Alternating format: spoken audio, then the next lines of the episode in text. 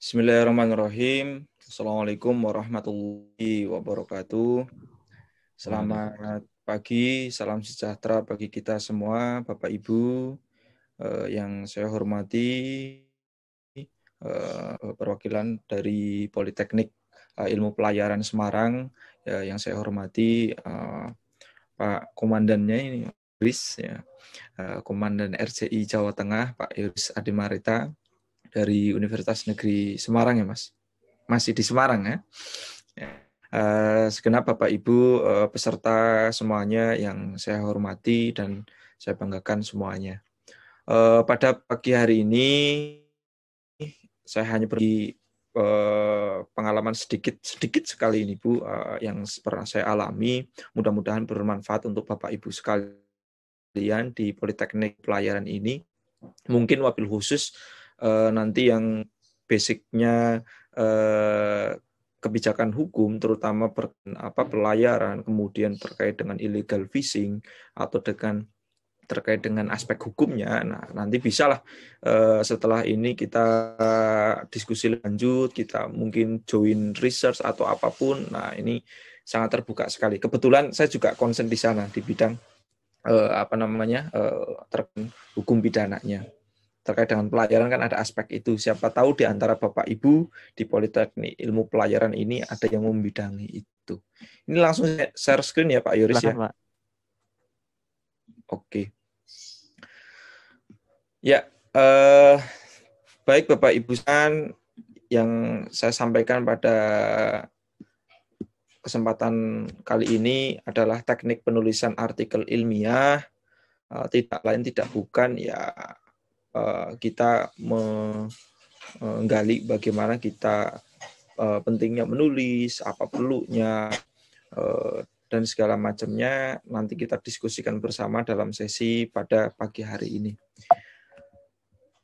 Baik Bapak Ibu, bahwa eh, apa sih yang menjadikan kita perlu untuk menulis dan mempublikasikan tulisan ya Eh, Bapak Ibu dosen di Politeknik Ilmu Pelayaran, nah ini ter, terikat di sini. Eh, sebagai dosen merupakan pendidik profesional dan ilmuwan dengan tugas utama mentransformasikan, mengembangkan, dan menyebarkan ilmu eh, pengetahuan, teknologi, dan seni melalui pendidikan, penelitian, dan pengabdian masyarakat. Ini sudah jelas ada di dalam Permenristek Dikti nomor 20 tahun 2017 ada kewajiban sebagai peneliti mengide pikiran pada publik. Artinya ketika Bapak Ibu punya ilmu, ketika Bapak Ibu punya karya, ketika Ibu punya sebuah ide yang sekiranya dapat menimbulkan dampak luas, menimbulkan dampak yang eh, positif bagi kalayak, mungkin juga dampak positif bagi kebijakan publik, Ya, apa artinya ilmu Bapak Ibu yang Bapak Ibu miliki kalau tidak disampaikan, ya kan? E, kalayak publik.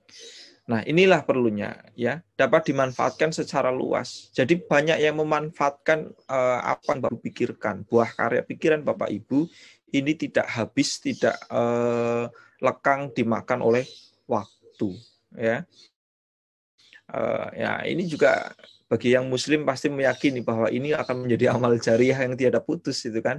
Ketika Bapak Ibu sudah tidak ada di dunia ini pikiran-pikiran Bapak Ibu apa masih eksis digunakan dijadikan rujukan nah insya Allah di sanalah eh, amal jariah Bapak Ibu terus mengalir tiada putus sepanjang ya ilmu itu masih digunakan ya tulisan tidak sekedar menjadi tumpukan di perpustakaan. Nah, ini yang harus Bapak Ibu yakini bahwa eh, hasil-hasil penelitian yang Bapak Ibu lakukan, kemudian mungkin tulisan-tulisan kecil yang Bapak Ibu tulis di dalam eh, laptop, itu kan. Nah, ini supaya enggak apa namanya menumpuk ya ayolah itu kan kita bagikan ke khalayak umum siapa tahu ada orang yang Eh, terinspirasi dari pemikiran kita. Siapa tahu eh, pemikiran kita bermanfaat bagi khalayak umum maupun kebijakan publik. Nah, apalagi nah, ini memang saya selalu sampaikan di awal terkait dengan ini Bapak Ibu eh, terutama Bapak Ibu dosen yang ya apa lektor kepala apalagi yang sudah guru besar ini mau nggak mau suka tidak suka itu kan harus ya eh, membuat karya ya. Dosen terutama pokoknya dosen yang yang dosen baru mau ke asisten ahli itu harus ada karya publikasi ilmiah ya kan. Lektor ke lektor kepala itu juga harus ada publikasi ilmiah. Lektor kepala nah ini ada kewajiban. Profesor apalagi ya di mana mereka ini setiap tiga tahun ini akan dievaluasi. Ini nanti berkaitan dengan tunjangan uh, akan dilanjutkan atau diberhentikan. Nah ini sebagai apa namanya pe, apa sebagai cambuk lah bagi Bapak Ibu sebagai pengingat supaya ya sebagai uh, penggiat uh, di dunia akademik sebagai dosen ya memang mau tidak mau suka tidak suka selain mengajar di kelas juga harus melakukan uh, aktivitas penelitian juga mempublikasikan ya karya hasil penelitian maupun gagasan konseptual Bapak Ibu sekalian. Ya. Ini ini yang perlu dipahami. Ini sebagai awal dulu Bapak Ibu, terutama ketika saudara uh, Bapak Ibu menulis, ya nanti ya ini uh, tak lupa memilih jurnal ya. Jadi ketika Bapak Ibu mau menulis, pastikan dulu juga itu kan, uh, misalkan sudah ada hasil penelitiannya, Bapak Ibu uh, mau menuliskan di dalam artikel jurnal, mungkin Bapak Ibu lebih dulu itu memilih jurnal mana yang akan Bapak Ibu tuju, ya kan? Penerbitnya siapa? Kemudian pertimbangkan relevansinya topik Bapak Ibu atau MN Scope-nya dengan jurnal tuju. Ini relevan enggak? Masuk enggak? Nah, gitu. Nah, kemudian uh, mungkin ada pertimbangan lain terkait dengan indeksasi, mungkin ada kriteria reviewnya atau jangka waktu review. Bapak Ibu ternyata butuh cepat, ya. Sementara jurnal yang Bapak Ibu pilih itu kan wah, ternyata ini proses lama bahkan mungkin bertahun-tahun itu kan atau berabad-abad itu nggak mungkin ya. Nah, ini mungkin bisa menjadi pertimbangan Bapak Ibu ya proses review kadang ada jurnal yang sudah bagus artikelnya numpuk, maka proses reviewnya juga antri. Otomatis akan memakan waktu yang lama. Nah, ini kan Bapak Ibu yang mungkin kebutuhannya cepat, ya carilah jurnal-jurnal yang kira-kira memprosesnya juga cepat. Ya. Eh, kemudian biaya publikasi, ya siapa tahu Bapak Ibu ada yang biaya mandiri, mungkin ini juga jadi pertimbangan. Ya. Kemudian bahasa, ya apakah bahasa Indonesia atau bahasa Inggris atau bahasa uh, Portugis. Mungkin ada jurnal uh, ilmu pelayaran tapi berbahasa Portugal. Nah, sementara Bapak Ibu bingung mau menerjemahkannya di mana, itu kan pakai Google Translate belum tentu benar, itu kan. Nah, ini juga patut menjadi bahan pertimbangan. Nah, terakhir yang penting ini adalah panduan penulisan Bapak Ibu. Bapak Ibu juga sebelum menulis, memilih jurnal, ya perhatikan panduan penulisannya, author guideline-nya. Kira-kira dengan panduan semacam itu, Bapak Ibu sanggup enggak? Ya kan? Mampu tidak? Itu kan? Dengan jangka waktu yang Bapak Ibu miliki untuk menerbitkan artikel, ya kan? Mungkin dikejar laporan penelitian. Nah, ini patut menjadi bahan pertimbangan secara Bapak Ibu ketika memilih jurnal. Ya, jadi enggak, enggak istilahnya kita lihat yang uh, masuk akal saja, yang rasional gitu. Yang kira-kira kita itu mampu. Ya. Kemudian yang ketiga nah, ini ada eh, bentuk-bentuk artikel ilmiah tidaknya Bapak Ibu ya, ada hasil penelitian, ada non penelitian itu kan ada uh, tinjauan buku ya kan. Uh, ini ada ada itu. Tinggal nanti Bapak Ibu mau mempertajam di mana.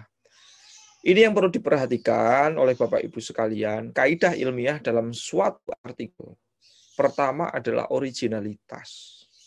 Pastikan betul, ya kan, artikel yang Bapak Ibu buat, artikel yang Bapak Ibu susun ini tidak sama dengan artikel yang lain. Artinya betul-betul hasil pemikiran Bapak Ibu, eh, eh, hasil penelitian Bapak Ibu yang berbeda pun misalkan objek apa, apa namanya uh, tema topik penelitiannya sama, setidak-tidaknya mungkin objek penelitiannya berbeda. Misalkan terkait dengan illegal fishing. Illegal fishing yang artikel yang ada terkait dengan apa eh, penindakan misalkan eh, apa namanya eh, peledakan kapal bagi pelaku illegal fishing. Eh, nanti di mana itu kan eh, apa kajian apa empiris di mana misalkan. Nah, nanti Bapak Ibu bisa misalkan mau tentang peledakan kapal juga ya illegal fishing juga, tapi dalam perspektif apa misalkan hukum internasionalnya itu kan? Atau mungkin lokusnya yang berbeda yang mungkin yang artikel sebelumnya di Natuna Bapak Ibu mencoba mengkaji di uh, mungkin uh, kepulauan apa namanya uh, Sumba atau dan segala macam yang lain. Ya artinya ada perbedaan pasti di situ. Kemudian urgensitas, atau tidak sebetulnya uh, penelitian Bapak Ibu. Saya selalu menyampaikan ke mahasiswa begini Bapak Ibu, terutama di mata kuliah metodologi penelitian dan penulisan hukum. Jangan sampai itu kan uh, kita membuat sebuah penelitian ini ya apa namanya uh, hanya memenuhi syarat administratif aja. Asalkan lulus ya jangan sampai begitulah Bo, yo minimal minimal itu kan itu memberikan solusi bagi apa lingkup meskipun kecil. Sebutlah misalkan pemerintah desa, apa lingkup desa itu kan. Saya memberikan contoh begitu. Lebih baik sesu, uh, mengkaji sesuatu yang spesifik tapi hasilnya betul-betul bermanfaat ketimbang Bapak apa uh, mahasiswa itu membuat sebuah penelitian yang yah-yaha itu kan? Ya apa namanya eh, kepenginnya yang wah yang besar yang cetar membahana tetapi akses datanya susah kemudian analisisnya rumit itu kan? Kemudian konflik kepentingan sana sini juga apa namanya eh, ada. Ini yang akhirnya mempersulit diri sendiri ya kemudian saintifik ini ya keilmuan lah ilmiah itu kan logis masuk akal ya. ya kalau bapak ibu kalau dihukum mengkaji santet nah ini akan pusing gitu kan.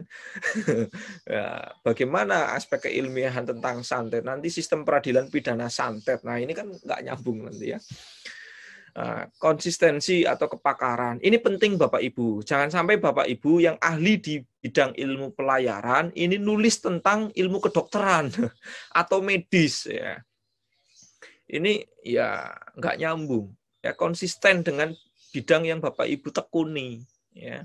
Misalkan ah, kepakarannya di bidang apa namanya kebijakan kelautan ya kan ya konsisten di situ terkait dengan kebijakan kelautan. Nggak usah nggak usah lari-lari ke mana-mana. Itu yang akan nanti semakin mempertegas identitas bapak ibu sendiri, ya bahwa bapak ibu ahli di mana, ahli bidang apa, ya ini nanti akan menjadi ciri khas. Ya. Kemudian objektivitas, ya ini tidak ada ya senggol sana senggol sini. Kemudian bapak ibu melakukan kajian itu betul-betul murni apa namanya mengandalkan pikiran Bapak Ibu tanpa ada pengaruh sana sini. Tanpa ada kepentingan misalkan ya istilahnya penelitian titipan ya. Nah, jangan sampai seperti itu atau Bapak Ibu menulis tulisan titipan supaya condong ke sini ya. Ini juga kurang baik. Kemudian tata bahasa, kalau dalam bahasa Indonesia ya sudah ada panduannya dengan bahasa Indonesia yang baik dan benar. Eh, mengapa perlu scientific format, Bapak Ibu? Ini ini penting ya. Eh, pertama penyampaian hasil-hasil penemuan ilmiah kepada komunitas saintis akan lebih efektif jika dilakukan dengan cara yang seragam. Ya, ini lebih lebih masuk akal ya lebih masuk akal. Cara yang seragam tersebut hadir dalam bentuk dan urutan yang disepakati oleh komunitas ilmiah sebagai scientific format. Sebagai contoh Bapak Ibu, saya mencontohkan di bidang hukum. Di bidang hukum uh, memang sekarang ini belum ada keseragaman uh, apa namanya scientific formatnya untuk keilmuan di bidang hukum. Sudah dibuat tapi apa namanya masih pro dan kontra.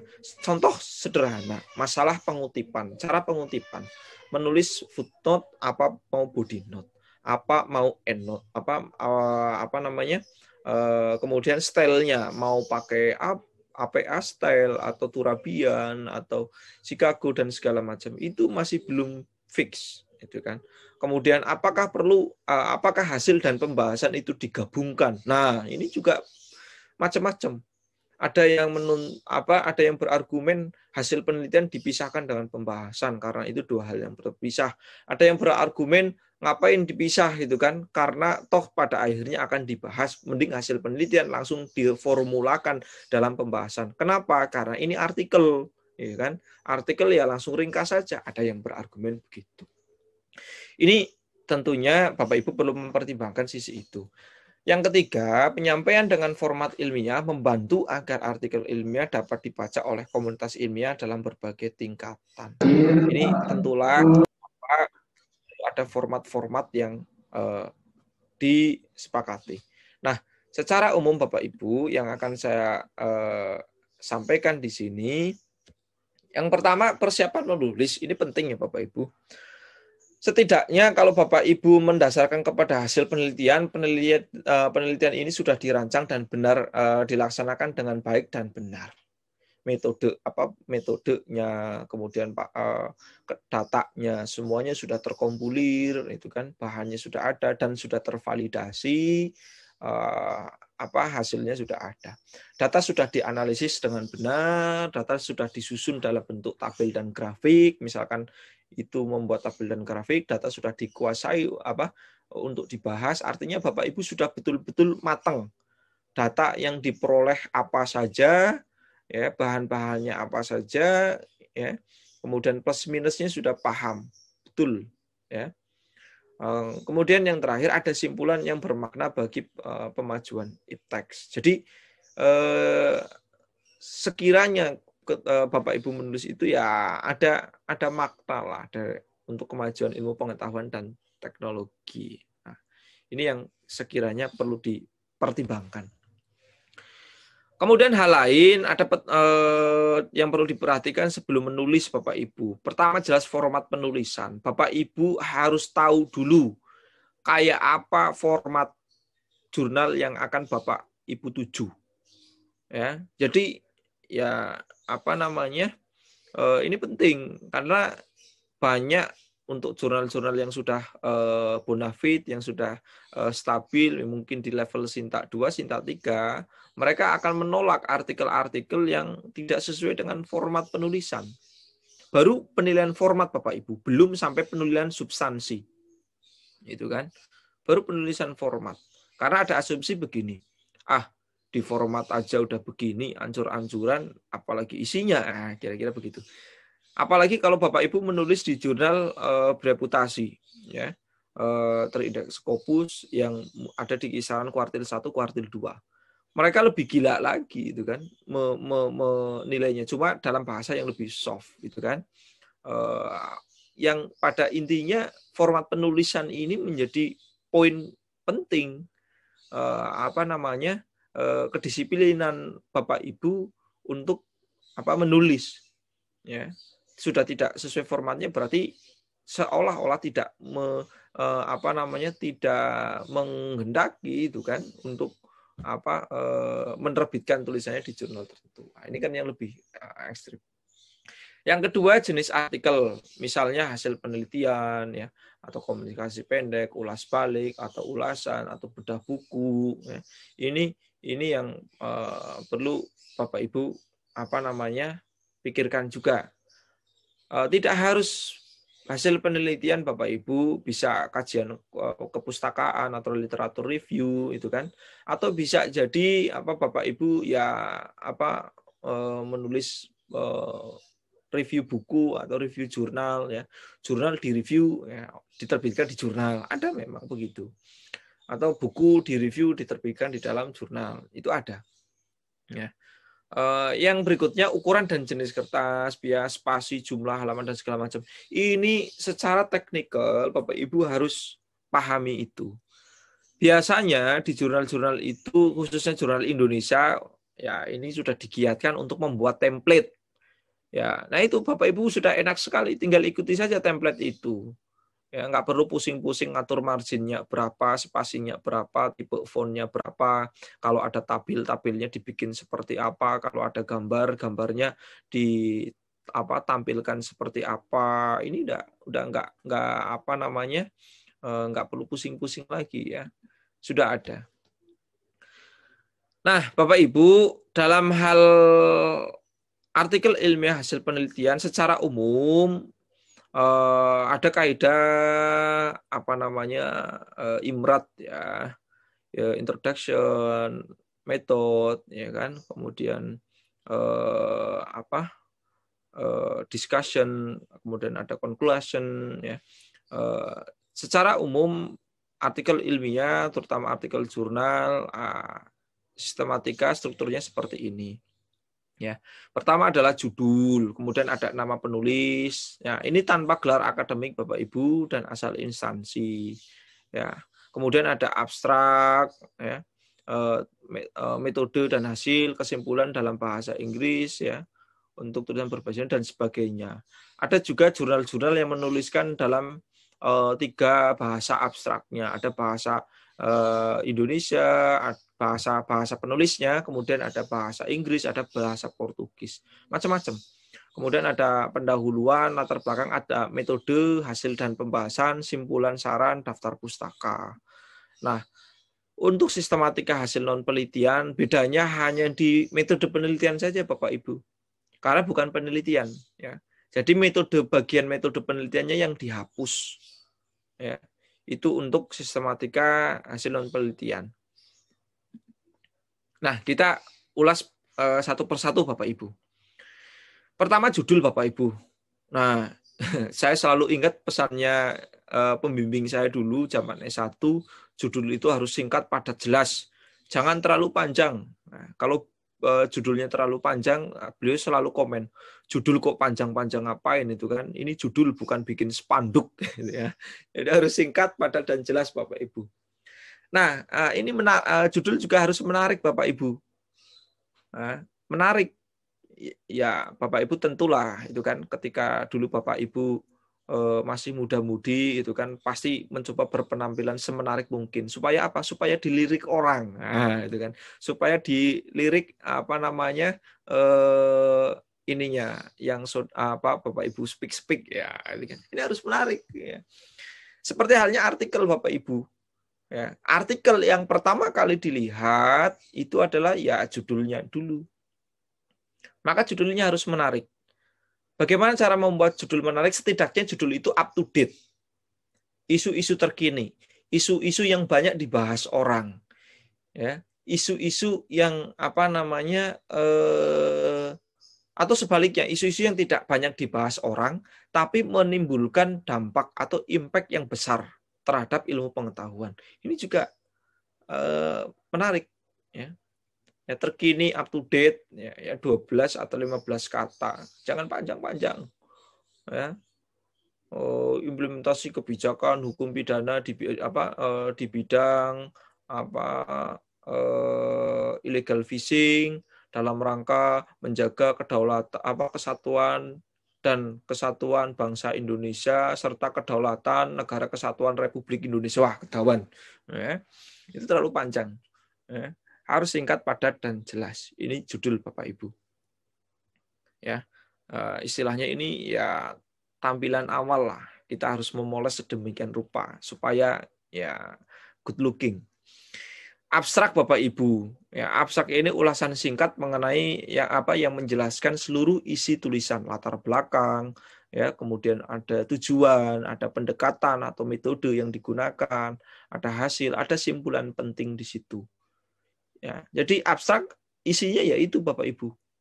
Ya mohon maaf eh, saat sampai dengan saat ini pun masih banyak sekali Bapak Ibu dosen itu yang membuat abstrak itu betul-betul abstrak betul-betul tidak berwujud, betul-betul tidak bisa dipahami apa maunya.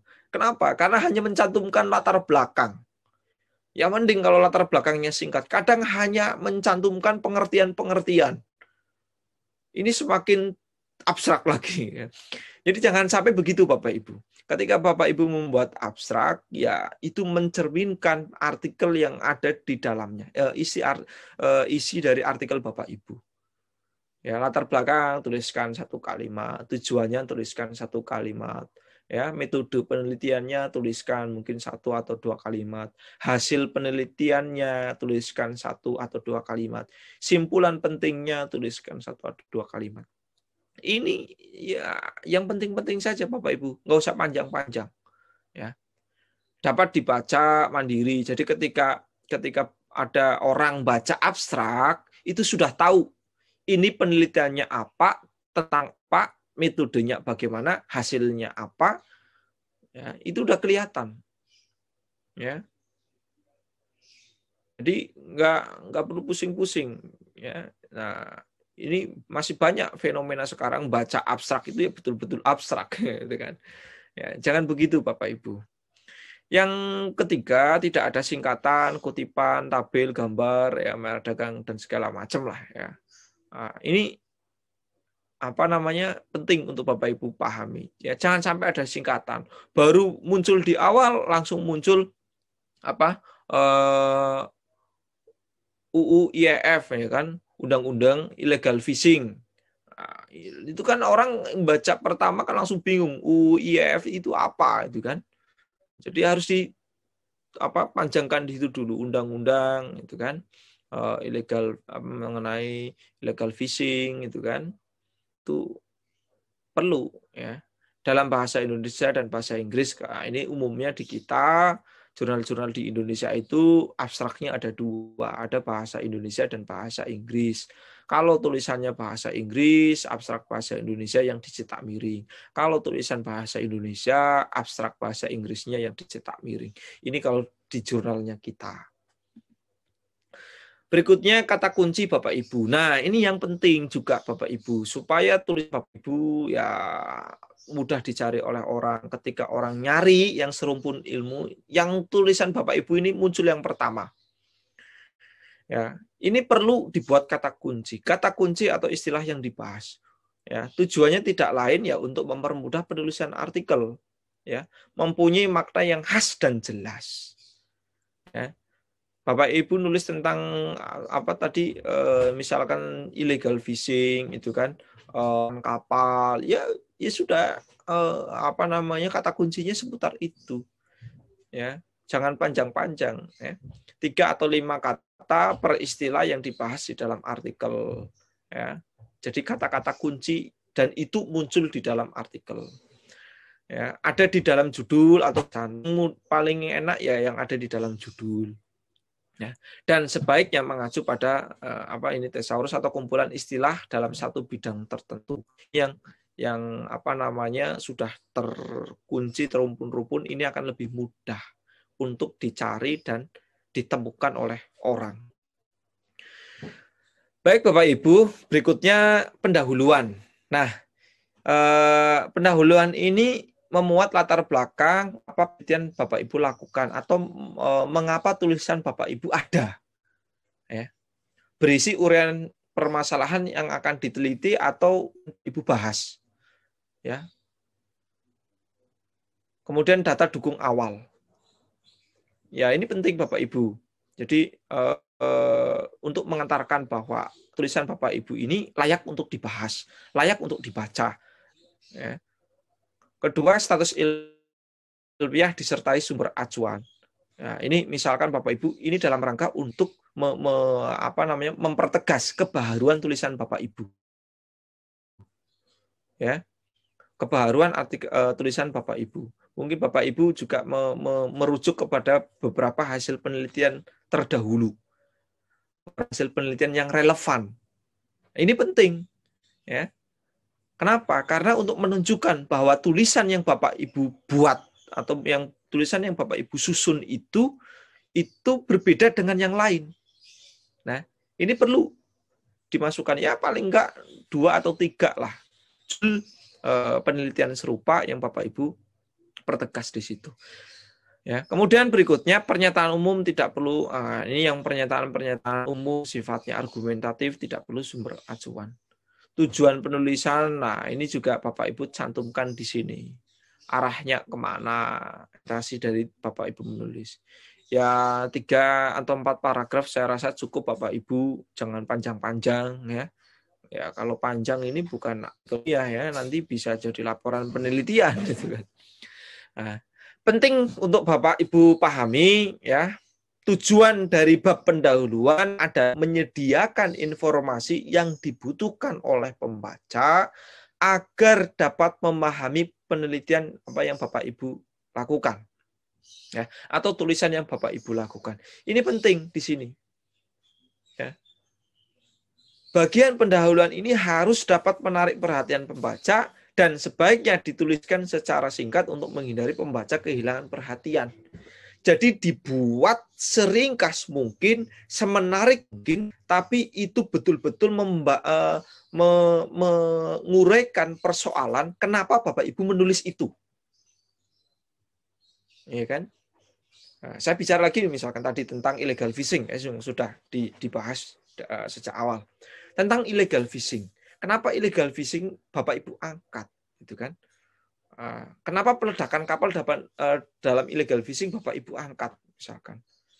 Ternyata selama ini kalau kapalnya hanya eh, apa namanya di apa tangkap kemudian diinterogasi, kemudian sudah bayar denda berikutnya eh, diserahkan, lain waktu kapal itu datang lagi karena nggak kapok-kapok ya.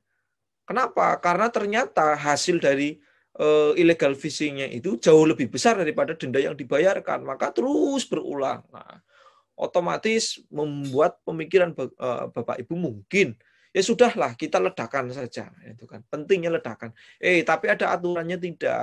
Ada uh, aturan hukumnya tidak? Ada baik hukum nasional atau hukum internasional yang uh, apa mengatur tentang ini itu kan. Nah ini bapak ibu kaji di situ. Ini supaya apa? Supaya jelas ke mana uh, arah tulisan Bapak Ibu. Ya, metode ya. Uh, kalau penelitian laboratorium mungkin ada menambahkan ada bahan ya, materialnya apa, metodenya apa. Nah, metode ini berisi apa? Yang pertama uraian terperinci hingga berulangnya apa uh, keberulangannya dapat dijamin. Jadi apa namanya? Ini prosesnya step by stepnya Bapak Ibu melakukan penelitian itu seperti apa? Metode yang telah dipublikasikan ya ditulis sumbernya, ditulis sumbernya. Jika ada modifikasi ya harus dijelaskan. Ini untuk penelitian-penelitian yang mungkin sifatnya laboratorium ya. Kemudian kegiatan ditulis sesuai urutan pengoperasian dalam kalimat pasif. Ya, kemudian bahan analisis, cara penarikan sampel, prosedur analisis, pengumpulan data, cara perhitungan atau analis sampai diperoleh hasil uh, terolah diuraikan dengan terperinci di dalam metodenya Bapak Ibu. Ya, ini uh, yang harus Bapak Ibu perhatikan. Jadi step by stepnya A to Z A, apa uh, dari awal sampai akhir itu dijelaskan apa di situ. Ya. Hasil penelitian. Nah, hasil penelitian ini saya uh, asumsikan dipisah ya Bapak Ibu untuk mem mempertegas saja supaya beda uh, bagian hasil penelitian sama pembahasan. Walaupun untuk kajian-kajian yang social science apa hukum terutama kemudian kebanyakan ini hasil penelitian dan pembahasan itu digabung. Hasil penelitian uraian mengenai hasil analisis ini jelas, penyajian bersistem sudah diperjelas dengan ilustrasi ya berupa tabel atau gambar. Nah, perlu Bapak Ibu ketahui di beberapa jurnal, terutama jurnal internasional bereputasi, eh, apa namanya, mereka banyak yang menghendaki lebih menyukai apa namanya eh, penyajian data, ilustrasinya dalam bentuk tabel dan gambar atau grafik. Kenapa? Karena mudah dibaca, mudah dipahami. Ketimbang hanya menuliskan dalam bentuk tulisan yang panjang kali lebar kali tinggi gitu kan. Nah, ini yang akhirnya bikin kantuk kalau membaca ya. kalau membaca tabel dan gambar konon relatif lebih mudah dipahami. Nah, ini juga perlu bapak ibu pertimbangkan untuk membuat tabel. Misalkan bapak ibu membuat eh, apa eh, ada data yang sifatnya angka. Nah, itu akan lebih mudah dibaca ketika dalam bentuk ya tabel atau kan atau grafik. Ini akan lebih mudah ketimbang Bapak Ibu menyajikan data angka dalam bentuk paragraf. Ya ini akan lebih sulit dipahami. Tabel dan gambar yang sederhana data ilustrasi harus ditafsirkan dalam uraian dengan memperhatikan masalah. Jadi tabel dan gambar apa data ilustrasi itu di bawahnya Bapak Ibu ulas di situ ya dengan memperhatikan permasalahan yang Bapak Ibu kaji. Berikutnya pembahasan Bapak Ibu. Di bagian pembahasan inilah yang menjadi ruh itu kan. Ruh daripada artikel Bapak Ibu. Nah, ini membandingkan hasil penelitian dengan model atau teori yang Bapak Ibu acu. Ya. Saya sendiri masih banyak menjumpai terutama tulisan-tulisan mahasiswa ya Bapak Ibu bikin makalah, bikin karya artikel jurnal, ini nggak ada teori yang diacu sama sekali. Padahal keberadaan teori dalam kajian ilmiah, aspek saintifik itu tadi harus masuk di situ. Ya. Karena ya nggak bisa berdiri sendiri, ya ada pembanding, harus ada alat analisisnya. Melalui apa ya? Melalui teori yang Bapak Ibu acu. Ya. Yang kedua, merupakan tempat penulis mengemukakan pendapat dan argumentasi secara bebas, tetapi singkat dan logis. Ya. Jadi nggak perlu panjang-panjang, Bapak Ibu, bikin pembahasan ini. ya Terlalu panjang, ya, coki-coki. Jadi jangan panjang-panjang. Ya. Yang ketiga, menghubungkan hasil penelitian ya, dan penelitian sebelumnya dengan menunjuk persamaan dan membahas perbedaannya. Ya. Ini juga bisa dimunculkan di sini Bapak Ibu yang sudah diuraikan di dalam pendahuluan. Bapak Ibu lebih pertajam di sini sebagai bahan pembahasan. Yang semakin mempertegas bahwa eh, penelitian yang Bapak Ibu lakukan, kajian yang Bapak Ibu lakukan beda dengan yang lain. Ya. Dan berikutnya menjelaskan arti temuan untuk memperluas cakrawala ilmu dan teknologi. Ini di bagian akhir biasanya Bapak Ibu. Ya, di bagian akhir uh, apa namanya uh, penegasan terkait dengan uh, substansi Bapak Ibu ini dikemukakan. Nah, di bagian simpulan Bapak Ibu ini yang acap kali kita keliru ya kurang tepat lah lebih tepatnya ya membuat simpulan itu masih panjang lagi. Bahkan masih ada pengertian di dalam simpulan. Itu bukan kesimpulan. Ya. Simpulan ini ya pernyataan pendek dan generalisasi dari temuan. Menjawab pokok permasalahan. Apa yang sedang dibahas? Ya. Apa rumus masalahnya? Yaitu di simpulan ini menjawab rumusan masalah itu. Menjawab permasalahan yang Bapak Ibu kaji jadi nggak perlu ada penjelasan lagi, tidak perlu ada pengertian lagi. Maka di bagian simpulan ini, ketika rumusannya ada dua, ya e, simpulannya ada dua. Itu kan? Yang pertama misalkan berkaitan dengan bagaimana kebijakan hukumnya. Kesimpulannya ya langsung aja kebijakan hukum dalam illegal fishing begini, begini, begini. Yang kedua bagaimana implementasinya. Implementasi begini ya. Kurang tepat dan segala apa uh, ini ini bagaimana hambatannya ini ini ini ini.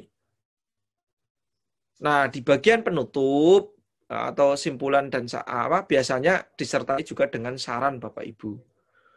Nah, saran biasanya ya terkait dengan permasalahan yang dikaji kemudian bapak ibu sudah menyimpulkan bapak ibu tentulah punya harus punya solusi untuk memecahkan persoalan itu.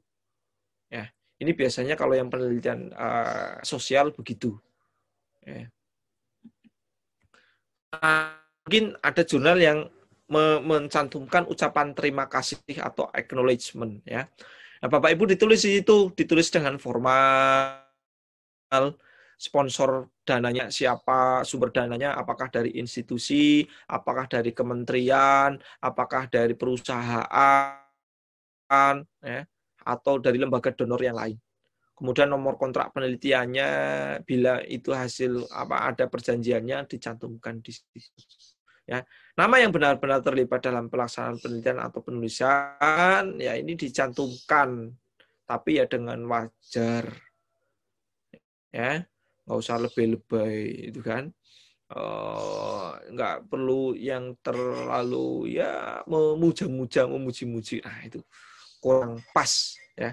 Saya rasa untuk dicantumkan.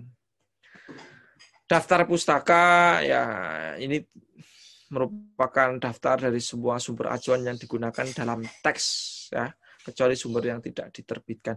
Ini yang perlu Bapak Ibu garis bawahi. Nulis daftar pustaka itu didasarkan dari semua sumber acuan atau uh, kutipan yang Bapak Ibu gunakan di dalam teks.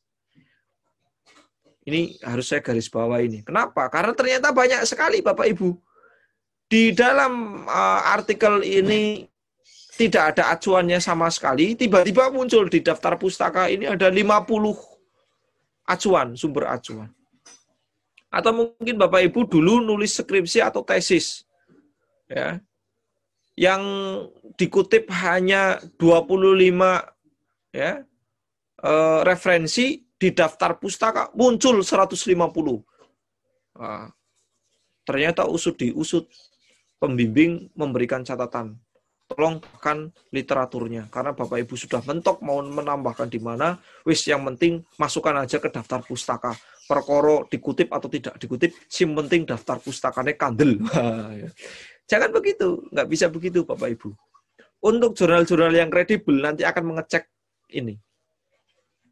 Ketika ditemukan ada selisih di situ, mungkin itu akan menjadi bahan pertimbangan penolakan artikel Bapak Ibu.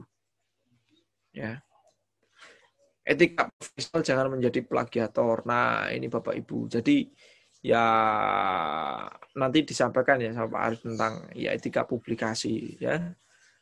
Mengutip dan segala macamnya supaya tidak apa namanya eh, dicap sebagai ya plagiat lah. Mengikuti petunjuk untuk penulis. Nah terkait dengan daftar pustaka atau referensi ini ketika bapak ibu membuat kutipan uh, ada namanya reference manager. Itu bisa Bapak Ibu gunakan untuk membantu Bapak Ibu dalam membuat ya apa reference. Ya, nanti mungkin ya bisa dilihat di YouTube-nya RJI penggunaan reference manager itu ada. Tinggal Bapak Ibu lihat-lihat, belajar-belajar di situ bagaimana menggunakan reference manager itu akan sangat mempermudah ya dan tentunya tidak mungkin ada selisih Ya, selisih apa ya? Selisih literatur yang tadi yang saya contohkan. Di dalam artikel menggunakan lima literatur, tetapi di daftar pustaka ada 15. Ini kurang pas, kurang elok. Ya. Tentunya ketika Bapak Ibu menulis ya harus didasari dengan ya semangat yang tinggi, ya ketekunan, ketelatenan, hal-hal yang mengganggu disingkirkan terlebih dahulu.